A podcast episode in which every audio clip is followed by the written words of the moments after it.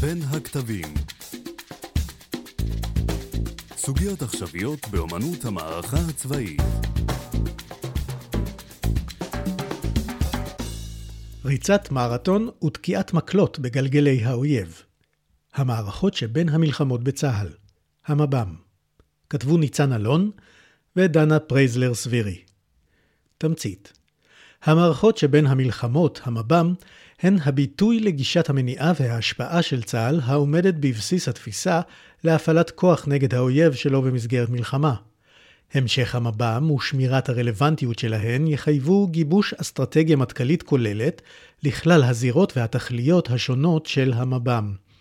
מאמר זה סוקר את מאפייני המב"ם, את ההקשר האסטרטגי והמדיני שבו הן התפתחו, את הזיקה ביניהן למלחמה ולביטחון שוטף, ואת התנאים הנחוצים להמשכן. זאת מתוך הבנה כי המב"ם משתנות בהתאם לשינויים בסביבה האסטרטגית, ושימור חופש הפעולה וההרתעה הישראלית ידרשו שינויים והתאמות. מבוא מאמר זה בא לתאר את גישת הפעולה של צה"ל במערכה שבין המלחמות, המב"ם, כתופעה ותיקה, אבל גם את הנסיבות הייחודיות שעל רקען היא מתנהלת בשנים האחרונות, את העשייה במסגרתה, את הזירות שבהן היא מתרחשת ואת השיקולים המנחים את מעצביה ומבצעיה. המערכות שבין המלחמות בצה"ל, רקע והגדרה המב"ם היא מכלול של עשייה במספר רב של זירות, תכליות וסוגי פעולות. בשנים האחרונות הזירה הצפונית, בדגש על המעורבות האיראנית באזור, היא הזירה המרכזית לפעילות המב"ם מבחינת היקף ועומק העיסוק של המטכ"ל, אך היא אינה הזירה היחידה. הנוכחות של כוחות אזוריים, חיזבאללה ואיראן, ומעצמתיים, רוסיה וארצות הברית, בסוריה, מרחיבה את גבולות המערכה ומקרינה על זירות נוספות. המב"ם היא אחד הביטויים לגישת המניעה וההשפעה של צה"ל, שהיא אחת משתי גישות, השנייה היא גישת ההכרעה, שבה מקדם צה"ל את יעדיו הביטחוניים של מדינת ישראל למצבי שגרה וחירום. על פי אסטרטגיית צה"ל יש למב"ם חמש מטרות, ואלה הן לצמצם איומים קיימים ומתהווים, להרחיק את המלחמה וליצור תנאים טובים יותר לניצחון בה, לשמר את ההרתעה ולחזק אותה, להגדיל את הנכסיות הישראלית של מדינת ישראל בכלל ושל צה"ל בפרט בעיני שותפינו. הערה, נכסיות בהקשר זה כמונח המתאר את התפיסות והערכים המזוהים עם שחקן מסוים בתחום מסוים. סוף הערת שוליים. ולשמר את חופש הפעולה של צה"ל ולצמצם את זה של האויב. בין מטרות המב"ם מתקיימות זיקות ומתחים. לדוגמה, צמצום איומים ומניעת התעצמות מחזקת הרתעה ותורמת להרחקת מלחמה, אך גם יוצרת סיכונים להתפתחות הסלמה כתוצאה מתגובת האויב לפעולתנו. העוסק במב"ם ייכון למלחמה. היכולת לפעול באופן מתמשך ואקטיבי במב"ם דורש שימור כשירות ומוכנות גבוהה למלחמה. הגורם העיקרי המונע התפתחות הסלמה רחבה עד כדי מלחמה בתגובה לפעילות במב"ם, הינו ההכרה של אויבינו שתוצאות הסלמה כזאת יביאו לתבוסתם. הגדרה של מערכה המערכה היא מושג המאפשר לייצר חיבור הגיוני בין יעדים לאומיים ותכליות צבאיות לבין פעולות צבאיות קונקרטיות. הערת שוליים מערכה במילון למונחי טול החדש מופיעים שני מובנים למונח זה, והם אחת, מערכה, קמפיין, ברמות המערכה והאסטרטגיה הצבאית, מסגרת רעיונית המתווה פעולה נגד בעיה ממשית, קונקרטית, והקשרה. 2. סדרת מבצעים, מאמצים או קרבות טקטיים הקשורים זה לזה בהיגיון מארגן, במטרה וברעיון מרכזי, בתוצאים נדרשים המוגדרים דרך משימות מתואמות בזמן ובמרחב. המערכה נועדה להשיג יעד אסטרטגי.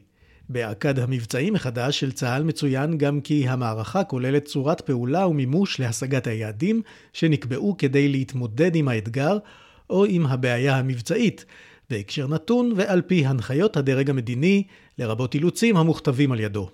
אמ"ץ, חטיבת תועד, תורת המבצעים, טיוטה רשמית, 2019. סוף הערת שוליים.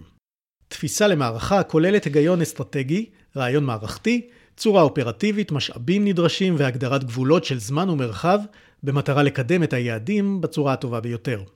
לכל מערכה צריכה להיות תכלית הכוללת הגדרה ברורה של מה רוצים להשיג ולשם מה. התכלית צריכה להיות ברורה, וצריך לפרוט אותה ליעדים קונקרטיים, הישגים נדרשים ואף מדדים כמותיים. היעדים חייבים להתאים ליכולות, או ליכולות נדרשות, ולתנאים למימוש היעדים. למשל שינויים במציאות או למידה של האויב. מהתכלית נגזרת מסגרת המערכה הכוללת זמנים, משאבים נדרשים, ארגון, פיקוד ושליטה, אילוצי ביצוע ובניין כוח רלוונטי. במב"ם מתנהלות במקביל מספר מערכות, ונדרש לפתח אסטרטגיה מטכ"לית שרואה את השלם, זיקות בין מערכות, מתחים וסינרגיה. בנוסף, התועלת בהגדרת מערכות מאפשרת לזהות מערכות שכבר אינן רלוונטיות ולסיים אותן. יש גם חפיפות בין מרכיבים מסוימים במערכות שונות. ככל שהגדרת המערכות מדויקת יותר, כך נשמרת רלוונטיות הפעולות במסגרתן וכך גם מתאפשרת בחינתן מחדש. השינויים באזור והתנאים שאפשרו את התפתחות המב"ם. התנאים הגאו-אסטרטגיים העיקריים למב"ם הם הטלטלה האזורית בעולם הערבי והמלחמה בסוריה, המערכה נגד דאעש בהובלת ארצות הברית, נוכחות המעצמות באזור ואינטרסים משותפים בין ישראל למדינות סוניות על רקע עליית האיום האיראני. האביב הערבי והטלטלה האזורית השנים של מלחמת האזרחים בסוריה יצרו נסיבות אסטרטגיות ותנאים מבצעיים שאפשרו להגדיל מאוד את חופש הפעולה של ישראל. די לציין כי ערעור המערכת המדינתית סביבנו וערעור הכללים להפעלת כוח בין מדינות ריבוניות יצרו מרחבי הכחשה משותפים שאפשרו לכל הצדדים להמשיך בפעילות זו. המעורבות האמריקאית בסוריה הופעת ארגון דאעש יצרה הד שלילי בארצות הברית ובמערב. ארצות הברית תרמה והובילה את המערכה להבסת הארגון. המערכה העולמית נגד דאעש גם הובילה להגברת הנוכחות האמריקאית באזור, סמוך לגבול ישראל עם סוריה, לעליית המעורבות האמריקנית בלבנון והשפעתה בירדן וכמובן בעיראק. בעקבות כך הודקו הקשרים בין צה"ל לבין מערכת הביטחון האמריקאית בכלל והצבא האמריקאי בפרט. חשוב לזכור שלמרות שהמטרה של שני הממשלים האמריקאים האחרונים הייתה להביס את דאעש, הנוכחות האמריקאית במזרח התיכון נותרה קשורה לעיצוב של עיראק. הקשרים בין הממסדים הביטחוניים התחזקו ברובד האסטרטגית, ברמה האופרטיבית וברמה המודיעינית, ועדיין הפער בין המיקוד האמריקאי במאבק נגד דאעש לבין הצורך שלנו להתמודד מול ההשפעה והנוכחות האיראנית יצר אתגרים. האמריקאים ניהלו את המאבק בדאעש בשיטה של לחימה מנגד ושימוש בפרוקסי, לוחמת שלוחים. מוכוון ומודרך ארגוני מורדים מקומיים בסוריה, אך גם באמצעות פעולה של כוחות מיוחדים אמריקאים בשטח. זאת במטרה לסיים את המאבק בדאעש ולסגת מהאזור לאחר מכן. ככל שהתקדמה הלחימה בסוריה, המשיכה ישראל לקיים שיח קבוע עם ארצות הברית, בעלת ברית חשובה מאוד, להסדרת מרחבי האינטרסים המשותפים, תוך כדי שימור חופש הפעולה שלה והרחבתו. בעת האחרונה המתיחות בין ארצות הברית לאיראן על רקע הסנקציות והסכם הגרעין מגדילים את מרחב האינטרס המשותף לישראל ולארצות הברית. המב"ם יצרה כורח חדש המחייב תיאום הדוק ושיתוף פעולה כתוצאה מהנוכחות והיוזמות שלנו באזור, שבו קיימת גם נוכחות אמריקאית. ההשפעה האמריקאית באזור היא הרבה מעבר לפעילות הצבא האמריקאי ונוכחותו. ישנה פעילות כלכלית ופעילות מדינית ופעילות בהיבטים נוספים. לארצות הברית יש משקל אדיר, וכמו בעבר ובנושאים אחרים, גם במקרה הזה חייבים לייצר תאימות מול המדיניות האמריקנית באזור.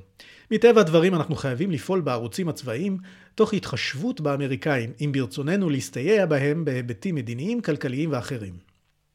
כניסת הכוחות הרוסיים והנוכחות הרוסית בסוריה סוגיה אסטרטגית נוספת שמשפיעה על התנאים האסטרטגיים המאפשרים את המב"ם, כמו על תנאים אופרטיביים קונקרטיים, הייתה חופש הפעולה האווירי של ישראל נוכח ההגנה האווירית הרוסית.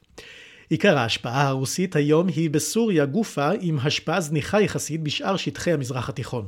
כזכור, בשלהי 2015 החליטו הרוסים לשלוח לסוריה כוח צבאי לא ענק בממדיו, אבל בעוצמה שיצרה שינוי מיצתה את היתרון האווירי שלהם וסיפקה למשטר אסד אפקט תודעתי ולגיטימציה של גיבוי מעצמתי. לאחר הכניסה שלהם לסוריה, הם גם המשיכו לפעול בתחומים חשובים, כמו ההתערבות המשמעותית שלהם בבניית הצבא הסורי החדש. בצה"ל זיהו את החלטת הרוסים להיכנס לסוריה זמן קצר לפני שהתרחשה בפועל. ברוסיה התקבלה החלטה שיושמה מהר בזכות היכולת הרוסית לתרגם מדיניות למעשים. הכניסה לסוריה שימשה ראש גשר, שלאחריו התאפשרה התבססות אווירית וימית. בעקבות כניסת הצבא הרוסי הגיעו גם חברות צבאיות פרטיות רוסיות, הקבלנים, שנתנו ערך מוסף לנוכחות הקרקעית של הרוסים. כיום עם תום הקרבות כבר אין ספק שההשפעה הרוסית בסוריה גדולה מאוד. למרות שהאמריקאים הובילו את עיקר הפעילות נגד דאעש, הרוסים יחד עם משטר אסד, האיראנים וחיזבאללה קצרו את רוב הפירות. רוסיה מיקדה את פעולתה בסוריה במלחמה נגד טרוריסטים, שמבחינתה אלה הם מתנגדי משטר אסד. מיד לאחר הכניסה הרוסית לסוריה החל להתגבש מנגנון תיאום בין רוסיה לבין ישראל. המנגנון הוא מערכת הסכמות שגובשו ברמה המדינתית ושממנה נגזר תיאום אופרטיבי צבאי שעיקרו מנגנוני עדכון ומניעת חיכוך. מההיבט המעצמתי, ישראל גם הייתה צריכה לייצר בהירות מול בת בריתה האמריקאית. התיאום האסטרטגי ומנגנוני מניעת החיכוך מול רוסיה תלויים בכך שישראל תוכל להמשיך לפעול גם בתנאים החדשים שנוצרו באזור.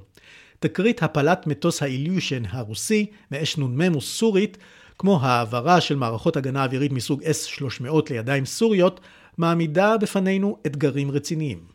הערת שוליים, תקרית הפלת המטוס הרוסי מדגי מיליושין התרחשה בעקבות פעולת חיל האוויר בסוריה, שבסופה ירי נ"מ סורי הפיל את המטוס הרוסי בספטמבר 2018. סוף הערת שוליים. יש לזכור שהיחסים בין מדינת ישראל לבין מדינות אחרות, כולל המעצמות, אינם מבוססים על שיח של קווים אדומים. השיח נועד לאפשר לשני הצדדים גמישות מסוימת.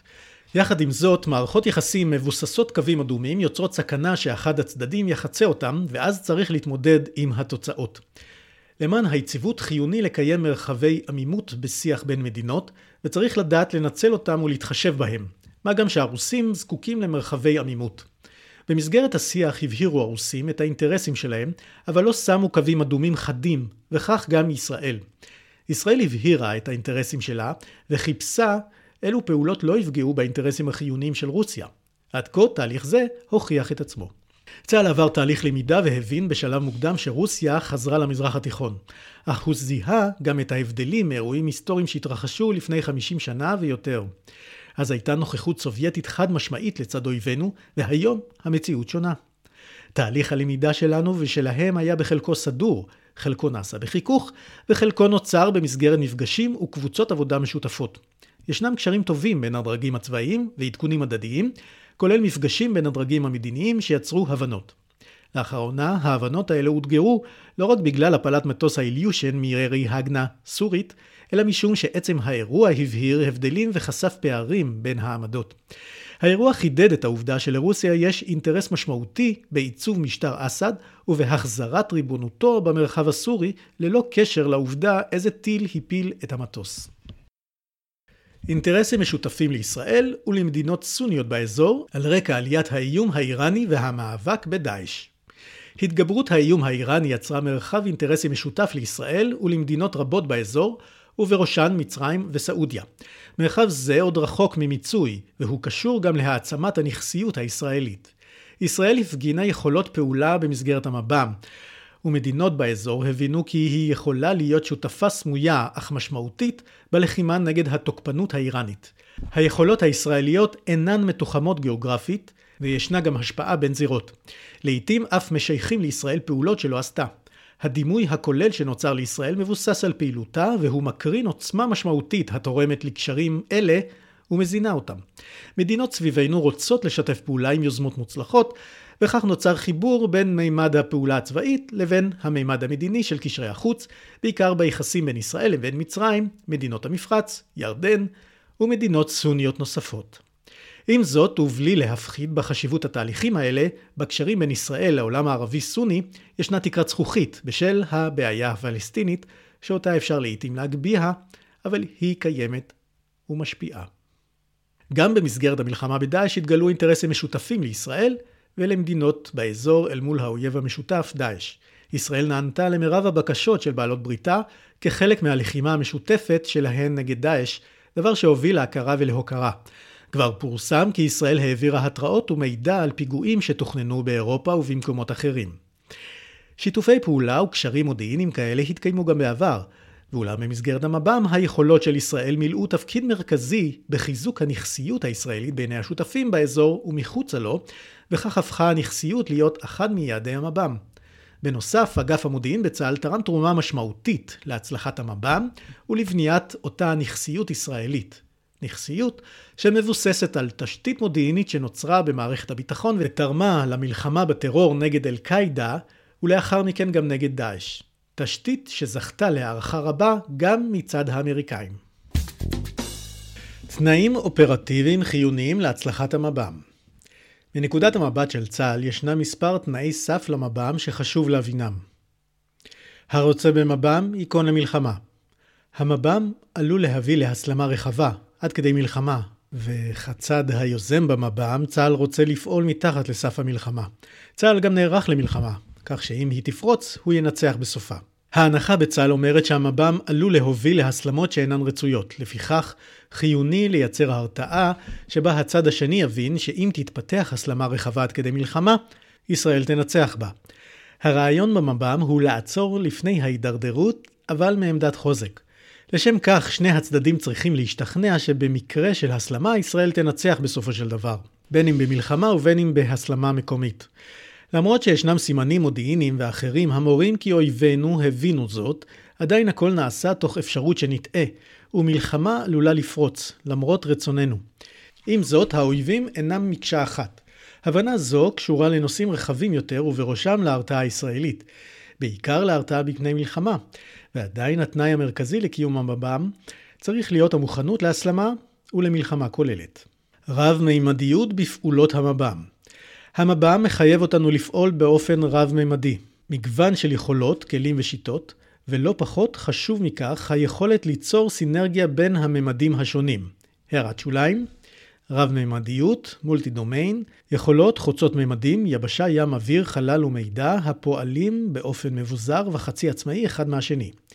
מבצעים רב-ממדיים, סקירת התפיסות בצבא ארצות הברית, זרוע היבשה, 2019. סוף הערת שוליים. כך למשל הפעולות שלנו בממד הקינטי-פיזי הן רק חלק קטן מהאפקט הכללי שמושג במב"ם. שכן פגיעה פיזית ניתן למנף להרתעה בעזרת פעולות נלוות של תודעה ולוחמה פסיכולוגית, שיחדיו אמורות להשיג את האפקט השלם, אפקט שלא היה מושג מלכתחילה ללא הפעולה הקינטית הראשונית.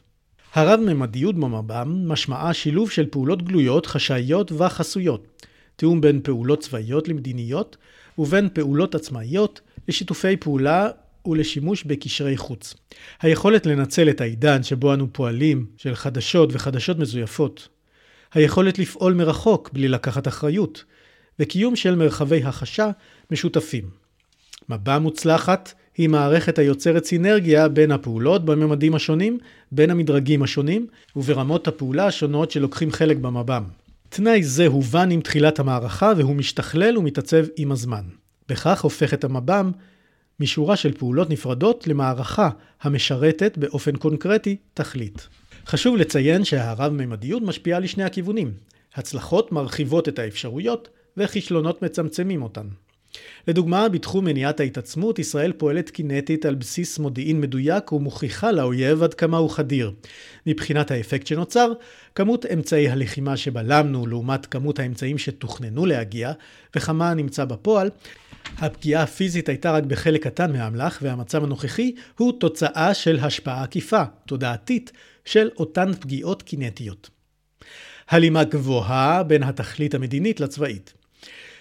קל יותר ליצור סינרגיה מול אתגר מוגדר ומתוחם, כמו בנושא של מניעת התבססות איראנית בסוריה. במקרה זה האיומים הצבאיים וההשפעות המדיניות האסטרטגיות ברורים, ויש יותר תאימות ויותר סינרגיה בפעולות. בתחומים שבהם ההלימה פחותה, כמו בסוגיה הפלסטינית, שהתכליות ברורות פחות ומורכבות יותר, גם הסינרגיה פחותה וכך גם האפקטיביות. במאמר מוסגר יש לציין שתאימות גבוהה טומנת בחובה גם סיכונים פוטנציאליים, בכך שהיא מחלישה מתחים ובקרה פנימית. מצב זה מטיל אחריות כבדה יותר על צה"ל ומחייב את מפקדיו להיות ביקורתיים כלפי מעשיהם, ולא להמשיך בדרך אחת רק בגלל שאין מתח מול הדרג המדיני, או משום שאין מגבלות מדיניות. הצורך בביקורת נכון גם לגבי הדרג המדיני כלפי צה"ל.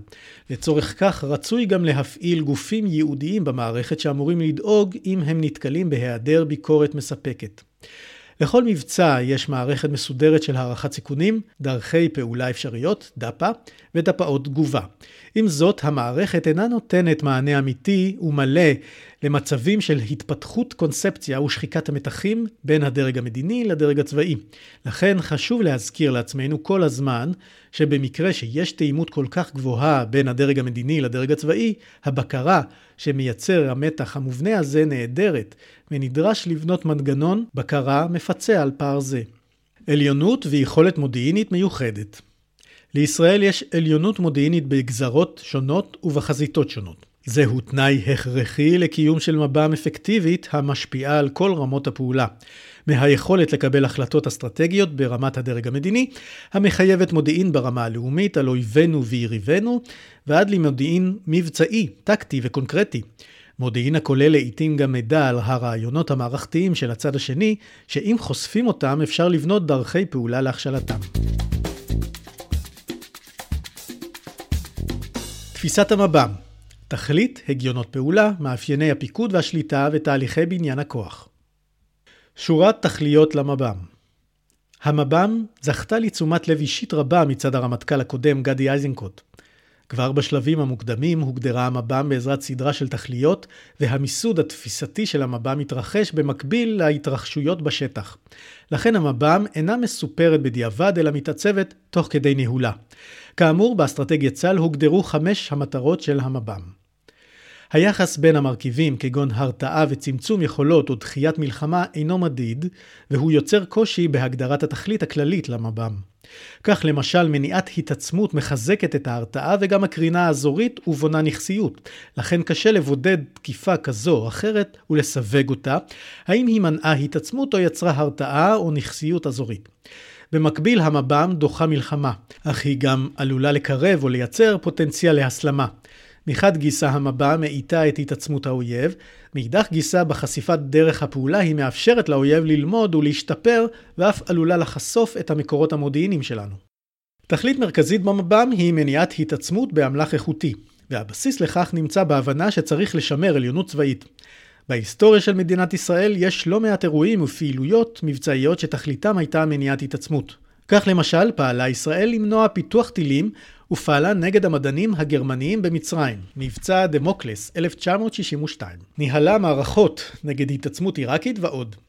פעולות מניעה בולטות במיוחד היו נגד פיתוח יכולות גרעיניות בעיראק, מבצע אופרה 1981, ובסוריה, 2007.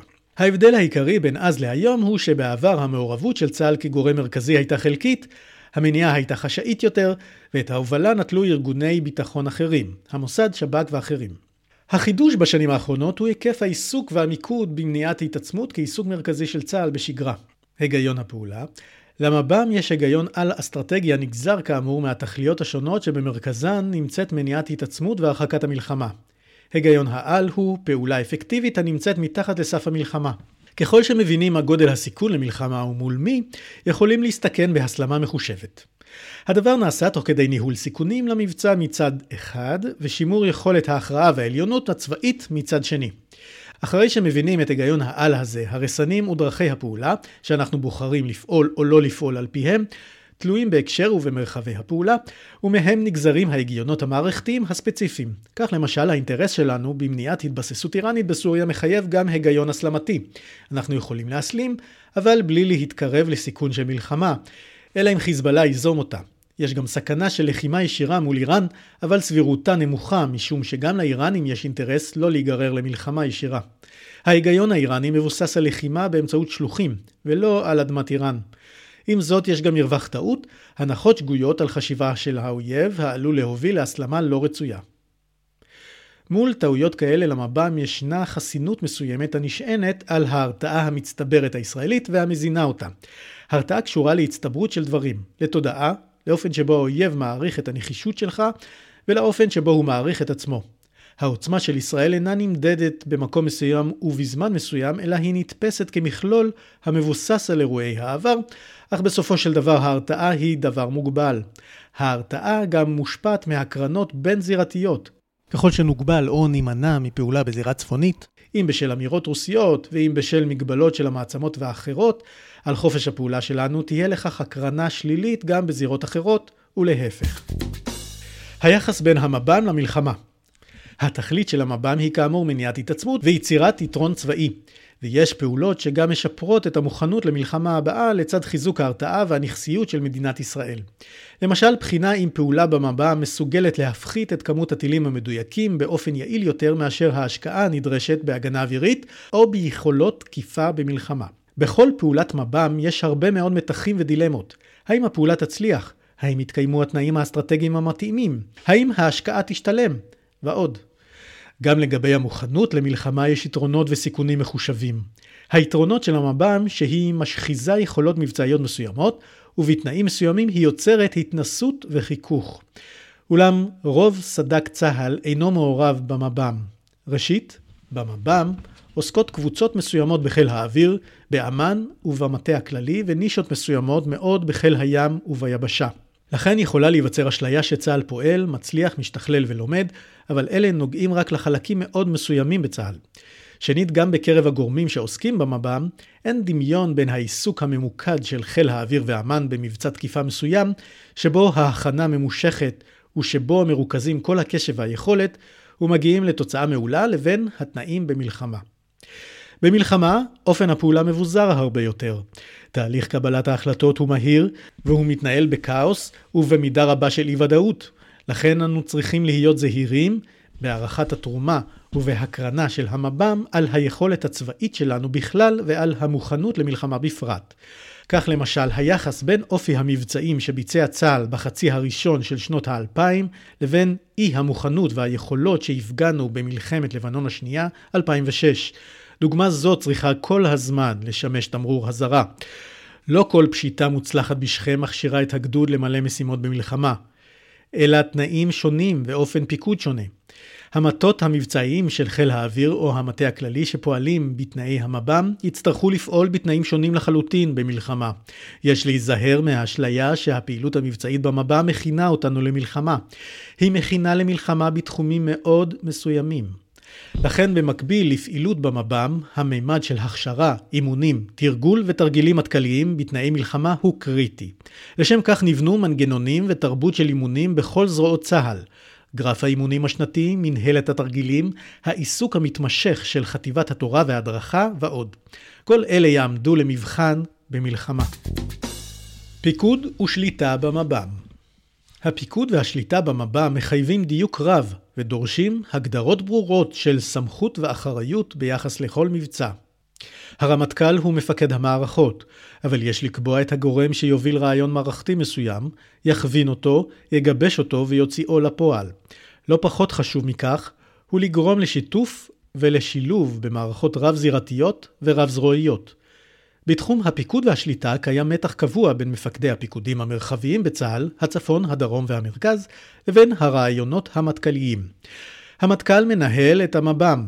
מפקדי הפיקודים השקיעו רבות בהבנת הרעיונות המטכ"ליים של המב"ם עד רמת תיאום אישי בינם לבין הרמטכ"ל. תמיד התקיימו מתחים סביב חופש הפעולה וחלוקת הסמכויות בין המטכ"ל לפיקודים. דוגמה טובה לכך היא המהלכים למניעת התבססות הציר, איראן, חיזבאללה, סוריה, במרחב רמת הגולן, או הפעילות בשגרה נגד האיום הנשקף מהתווך התת-קרקעי ומההתעצמות של הארגונים בעזה. מצב זה ניכר במיוחד במציאות שבה המב"ם הפכה לכלי הכמעט יחיד לפעולה משום שיכולות אחרות מוגבלות מאוד והסיכונים להסלמה גבוהים מאוד. לעומת זאת, בגזרת מצרים וסיני, מעבר לרצון לצמצם את איום הפיגועים מסיני ותכלית ההגנה והביטחון השוטף, התנהלה מערכת יחסים שבראש ובראשונה באה לשרת אינטרסים אסטרטגיים של שתי המדינות, וגם לשפר את הנכסיות הישראלית בעיני מצרים. מערכת היחסים הביטחונית שהתפתחה מול מצרים גם יצרה הקרנה אזורית מול האמריקאים ומדינות נוספות שפעלו במערכה נגד דאעש. הפיקודים המרחביים רוצים וצריכים להיות מעורבים, והם מצאו את מרחב הרלוונטיות שלהם בתחום המשותף הנמצא בין המב"ם לבין הביטחון השוטף והגנת הגבולות. הפיקודים מעמידים את הכלים שעומדים לרשותם בביטחון השוטף לשירות המב"ם. פעילות כזו מתבצעת במסגרת מיצוי המטרות בעזה או במדיניות התגובות לזליגות הירי בצפון. לרוב הפיקודים מעוניינים ליזום פעולות נוספות, אך מנקודת מבט מטכ"לית יש לבחון האם הדלתא בתפוקה גדלה. הערך המוסף שנמצא בפיקודים ובאוגדות המרחביות הוא בעיקר הגדלת הרלוונטיות של הכלים בביטחון השוטף ותרומתם למניעת התעצמות בעזה ולמניעת התבססות בעיקר של חיזבאללה ברמת הגולן. בדרך זו הם שרתו גם את התכליות המרכזיות של המב"ם. תרומת הפיקודים מתבטאת לא בכמות הפעולות היזומות, אלא ביכולת לחבר בקלות יחסית בין כלים מהביטחון השוטף לבין תכליות המב"ם. חיבור זה גם מחייב את אגף המבצעים במטכ"ל לשפר את הסינכרון בין כלל הגורמים הפועלים במב"ם, בצה"ל עצמו ובקרב גורמים חיצוניים כמו השב"כ והמוסד. מפקדי האוגדות המרחביות האחראים על אזורי חיכוך מכירים את המרחב שלהם, אך הם פחות מעורבים בתמונה האסטרטגית הרחבה. מפקד אוגדת 210 ברמת הגולן תרגם הבנות מטכ"ליות למדיניות הפעלת הכוח ובניין הכוח שלו, והיא הוכיחה את עצמה. בתחומים שבהם רמת ההשפעה של מפקד האוגדה הייתה מוגבלת יותר בשל הנסיבות האסטרטגיות-מדיניות, כמו באוגדה 80 בגבול סיני, יכולת ההשפעה של מפקד האוגדה הצטמצמה לפעולות הביטחון השוטף. עם זאת, בגזרת אוגדת 80, שיתוף הפעולה המבצעי עם צבא מצרים בתחום המסתננים בגדר תרם במידה רבה לאינטרסים של שתי המדינות. מפקד האוגדה נשאר ממוקד בתחומי ההגנה והביטחון השוטף, אבל ידע להפיק באמצעותם תועלת נוספת בתחום של שיתוף הפעולה הבילטרלי.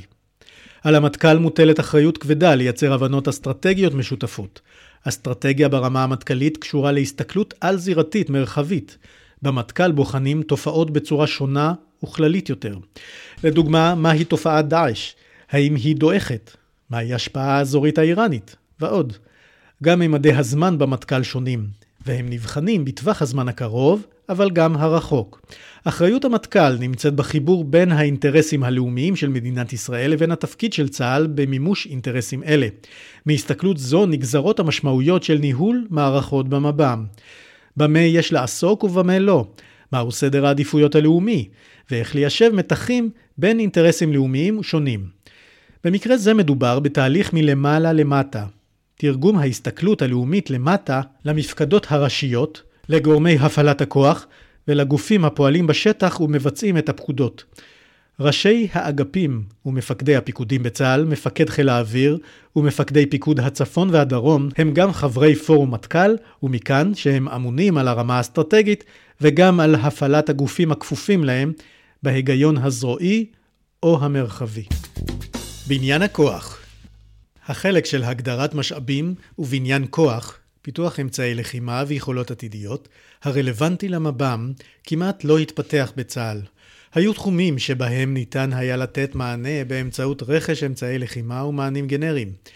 בתהליכים מורכבים יותר שדורשים בעניין כוח יהודי, עמדנו ועודנו עומדים בפני פערים שנבעו כתוצאה מהלמידה של האויב וגם כתוצאה מההשתנות של התנאים האסטרטגיים והאופרטיביים. מנגנוני בניין הכוח והקצאת המשאבים בצה"ל עוצבו ונבנו קודם כל על מנת להתכונן למלחמה. נעשו התאמות קטנות להיבטים של ביטחון שוטף ולפרויקטים גדולים, כגון המכשולים הביטחוניים והגדרות. אבל בניין כוח יהודי למב"ם הוא מוגבל עדיין. אם הוא מיועד למלחמה ונעשה בו שימוש לטובת המב"ם, ואם מלכתחילה הוא לא היה מיועד למלחמה. אנו נסמכים על התאמות למב"ם, וחסר מענה ארגוני יהודי. מנגד, המב"ם כמערכה רב-זרועית מחייבת לייצר יכולות, כלים, שיטות ומבנים תואמים לאתגרים, מתוך צורך לייצר סינרגיה. החיבור בין תפיסות של בניין כוח לבין תפיסות של פיקוד ושליטה בצה"ל הוא מורכב, כל תחום בו מאתגר, והחיבור בין שני תחומים אלה טעון טיפוח לאורך כל ההיסטוריה של צה"ל, והוא בא לידי ביטוי בעובדה שנדרשות שנים לבניית יכולות רלוונטיות. אחד ההסברים לבעיות בתחום בניין הכוח בצה"ל קשור לכך שאין זרוע שמובילה את בניין הכוח ביחס ישיר למרכזי הכובד המטכ"ליים הנוכחיים. כך יוצא שסוגיות שאינן קשורות באופן מובהק למגרש הזרועי, יבשה, אוויר, ים, סייבר, סבר, מטופלות פחות טוב.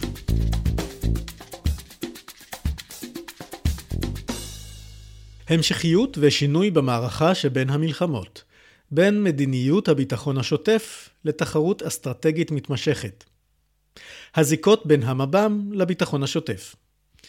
יש שיטענו כי המב"ם התקיימה מאז הקמת המדינה, ואולי אף קודם לכן, ובמידה רבה אפשר למצוא לכך אף ביסוס היסטורי. אבל ההגדרה של המערכה שבין המלחמות כמכלול של פעולות המאגברות זו את זו ברמת עיסוק אינטנסיבי משמעותי בהיקפו ביחס לפעולות אחרות בהן עוסק צה"ל, יצרה דלתא איכותית ומחדשת ביחס לעבר. הוויכוח הנוכחי סביב המב"ם נוגע להשוואות בין המערכה המתנהלת בימינו לבין מדיניות הביטחון השוטף של צה"ל מאז הקמת המדינה, שכללה תקופות של פעילות מבצעית רבה בין המלחמות גם בעבר. כיום יש מספר דוגמאות טובות לחיבור בין ביטחון שוטף למב"ם. דוגמה אחת היא הזירה הפלסטינית ביהודה ושומרון, שבה מתקיימים הבט"ש והמב"ם ביחד. אפשר לראות שבמידה רבה בתוך הבט"ש ביהודה ושומרון מתקיימת באופן מובהק בשגרה מערכה למניעת התעצמות, למניעת התפתחות של איומים עתידיים, ליצירת הרתעה וכדומה. פעולות הסיכול וכיסוח הדשא הן במהותן מב"ם. אבל יהודה ושומרון היא דוגמה ייחודית ומתוחמת לטשטוש הגבולות בין הבט"ש למב"ם.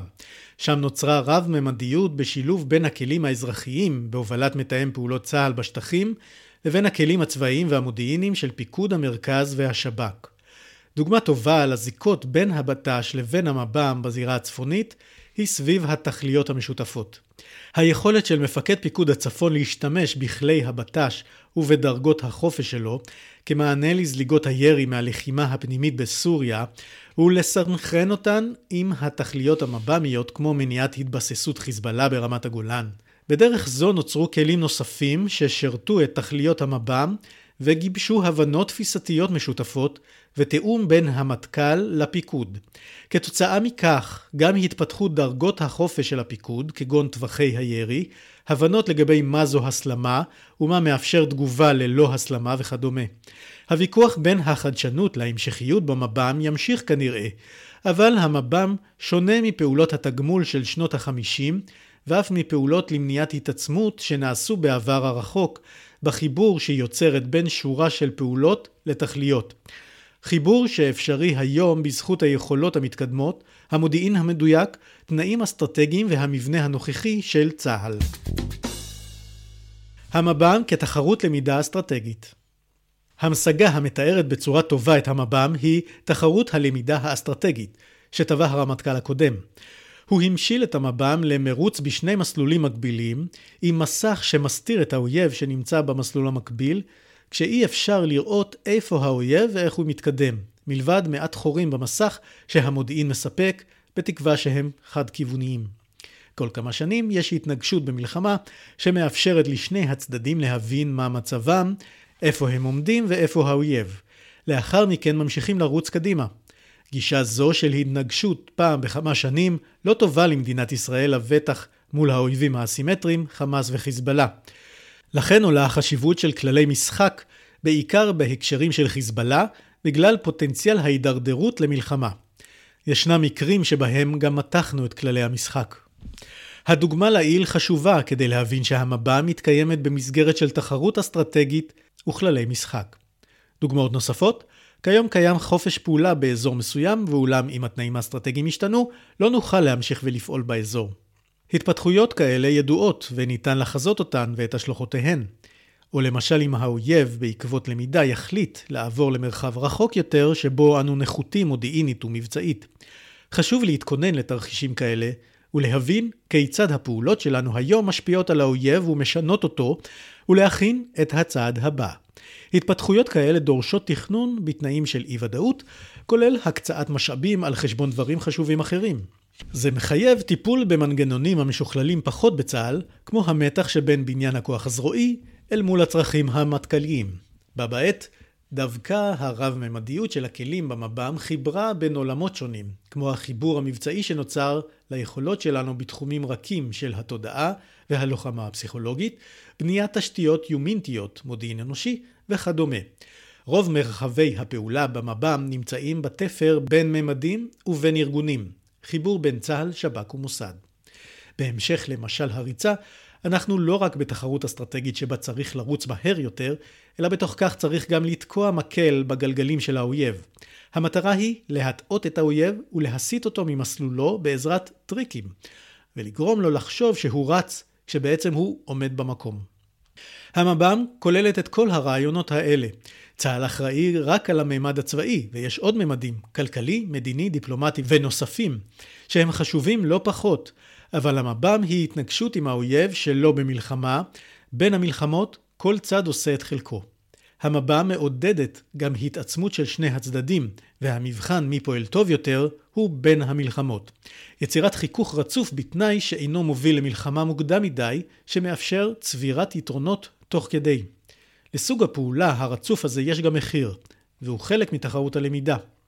האויב עלול לפגוע ביכולות שלנו, יכולות טכנולוגיות, יכולות להיחשף, מקורות מודיעיניים, יאבדו, ועוד. פעמים רבות כדאי לשלם מחירים כאלה, ולעיתים לא.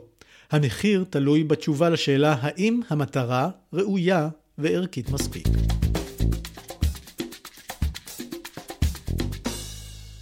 עתיד המב"ם האם אנחנו עומדים בפני שינוי גדול במב"ם? קשה לדעת לאן יכולה המב"ם להתפתח. צה"ל צריך לזהות את מרחב הפעולה העתידי שלו.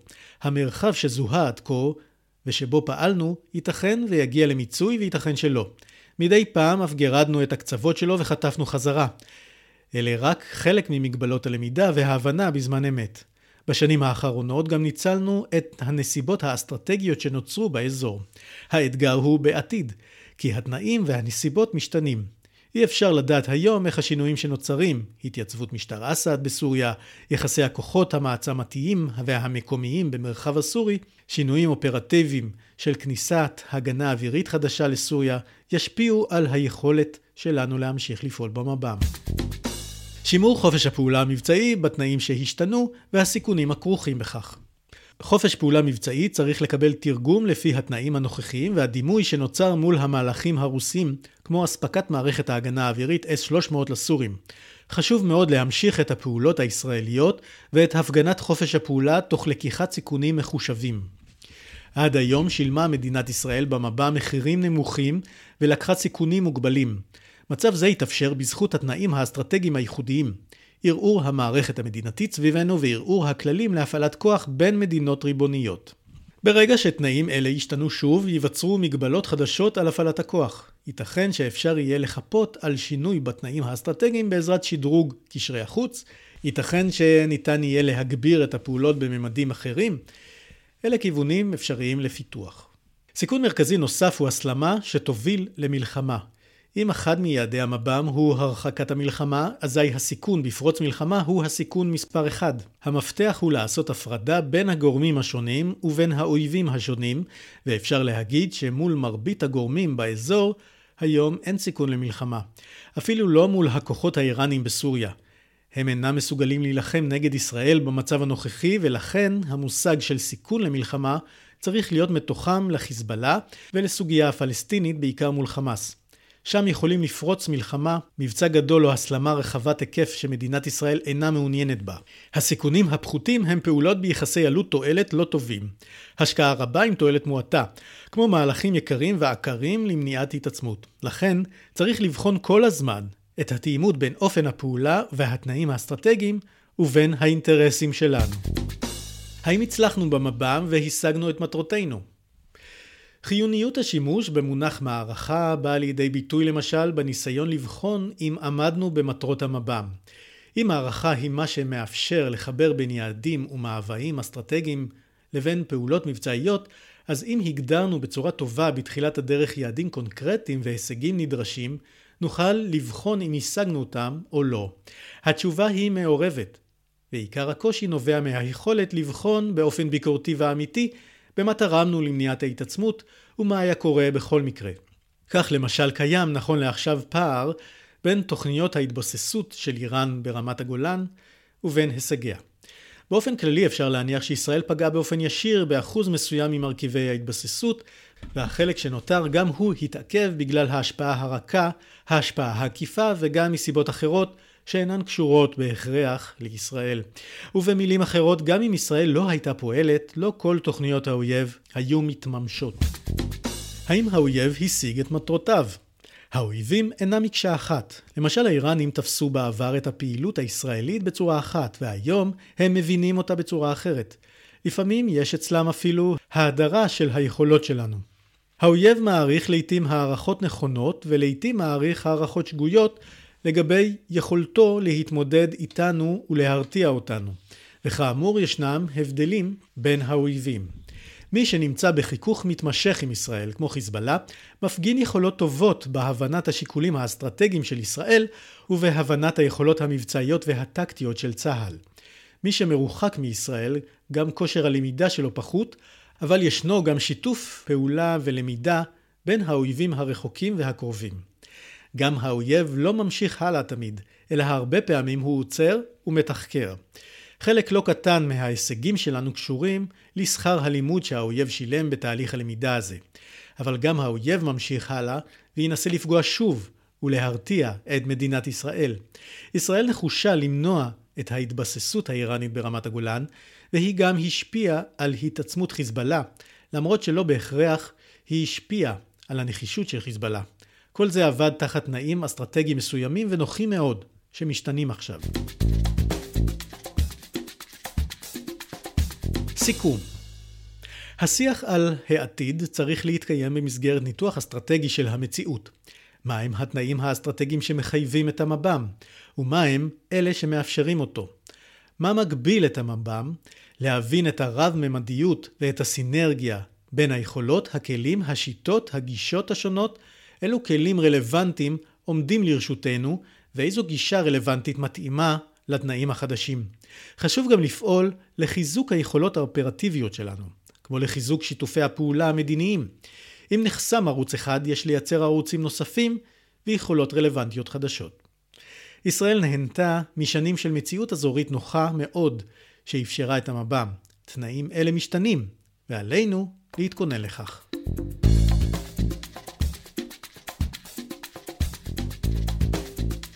תודה לאיתי חיימינס, עורך בין הכתבים, לתת אלוף ערן אורטל, מפקד מרכז דדול, אני מפיק ומגיש ליאור רשף. נשתמע.